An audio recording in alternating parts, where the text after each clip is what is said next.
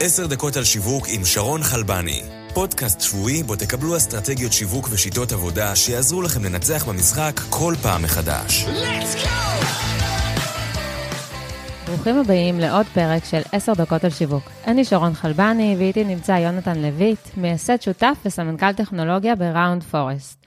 ראונד פורסט מסייעת לצרכנים לבצע החלטות קנייה חכמות יותר בקלות, באמצעות המלצות המבוססות על AI וביג דאטה.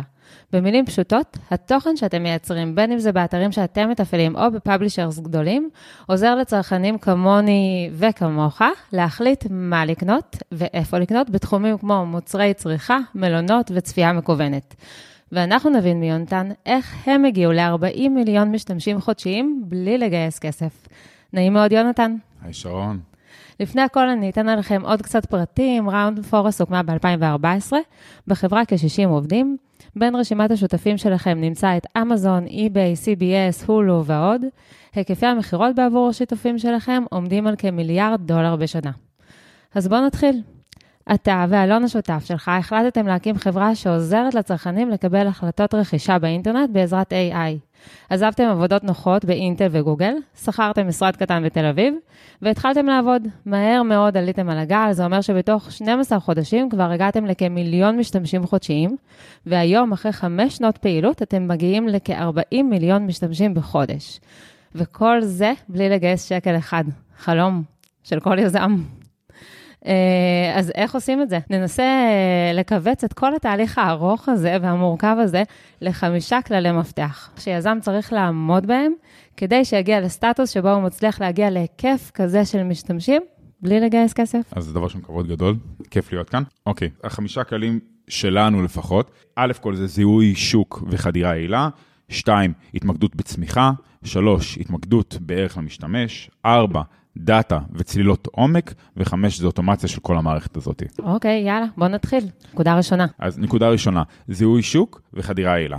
אז הקריטריונים שאנחנו אה, שמנו כדי לבחור את השוק היו שניים, scale, רצינו לעשות משהו משמעותי, ושתיים, התאמה ל-AI. אני ואלון הגענו מרקע של AI, רצינו להביא ערך למשתמשים ביחס לתחרות שלנו בעזרת AI, וזה היה הקריטריון השני. איך שעשינו את זה, עשינו אה, ניתוח אנליטי יחסית פשוט, שזה בעזרת כלים כמו SEMrush וגוגל Search Planner, עשינו שורטליסט של תחומים שהם רלוונטיים, שווקים שהם רלוונטיים.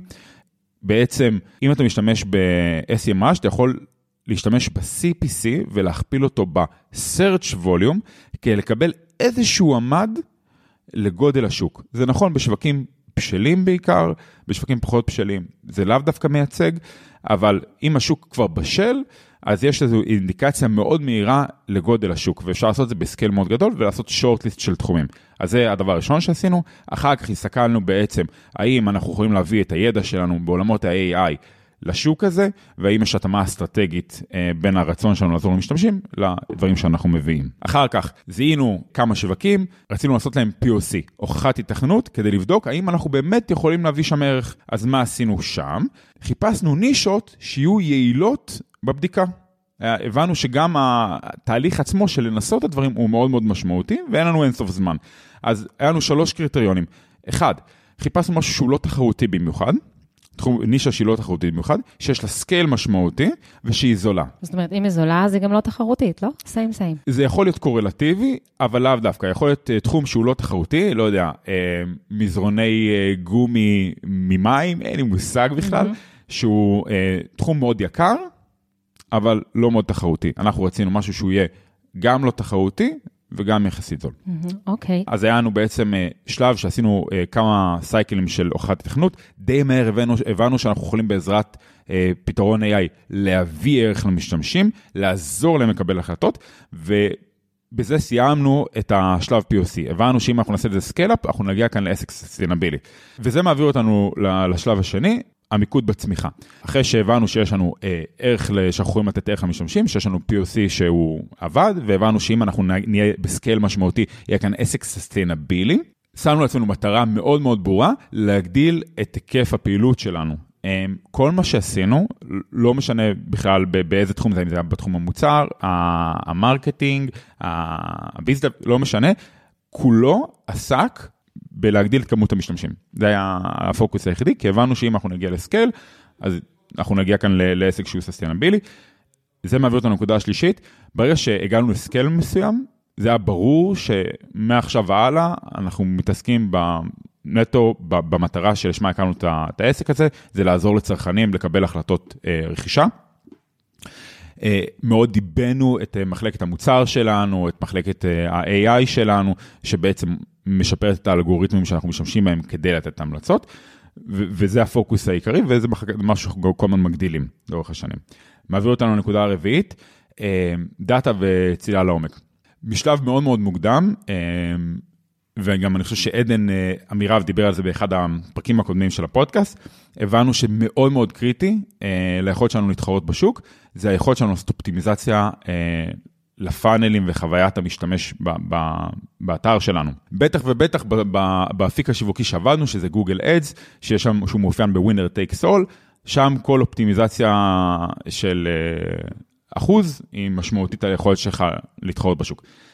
בשלב מאוד מוקדם בנינו את המערכות BI שלנו, את ה-attribution models, כדי שנוכל להבין מה המשמעות של כל פעולה, שנוכל לעשות אופטימיזציה למוצר שלנו, אופטימיזציה ל marketing שלנו.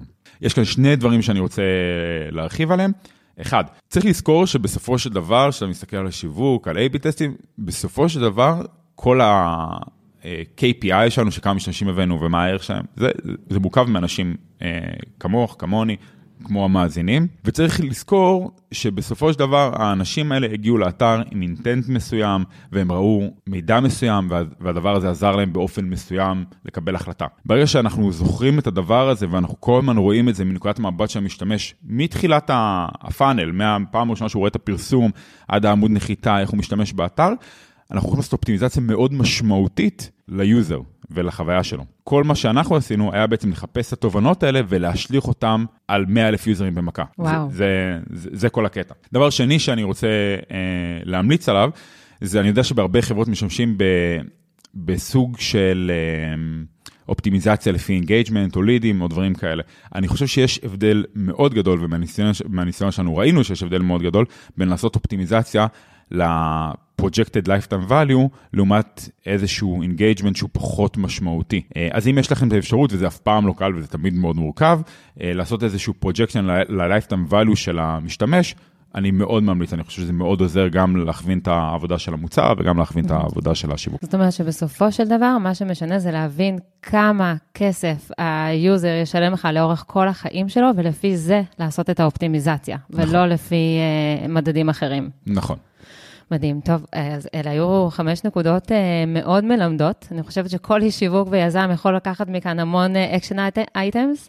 Uh, בוא תנסה לסגור לנו את הפרק הזה באיזשהו טיפ אישי ממך למאזינים שלנו. אז אני חושב שברמה האישית שלי, אני חושב שהדבר הכי משמעותי ויותר משמעותי מכל הדברים האלה, זה אמונה. אמונה זה הדבר הזה שמאפשר לך להמשיך לעבוד אחרי חודשים שאתה נכשל. ובסופו של דבר, אם חושבים על זה, אם מישהו אחר יכול להצליח, אה, אז למה לא אתה? אה, למה לא את? למה לא אני? למה לא המאזינים? אז, אז נסכם את זה בזה, שכל כן. אחד יכול להצליח. תאמינו בעצמכם. להאמין בעצמו כן. ובדרך. כן. טוב, תודה רבה, יונתן. אה, אנחנו סיימנו, אני בהזדמנות הזאת גם אגיד תודה רבה לוויבורק שמארחים אותנו כאן בפרק הזה, ואני מזמינה את כל המאזינים שלנו להיכנס לאתר ולראות כמה שאלות אישיות שאני הולכת לשאול את יונתן והוא לא מכיר, זה מחוץ לדפים. תודה רבה, אנחנו סיימנו. תודה שרון, היה כיף. היה כיף. עוד פרק של עשר דקות על שיווק הגיע לסיומו. אנו מזמינים אתכם להירשם ולקבל אסטרטגיות שיווק ושיטות עבודה מהאנשים המובילים בתעשייה. אל תשכחו לדרג ולכתוב ביקורת על התוכנית כדי שנוכל להמשיך לספק לכם תוכן איכותי. נתראה בשבוע הבא בעוד עשר דקות על שיווק עם שרון חלבני.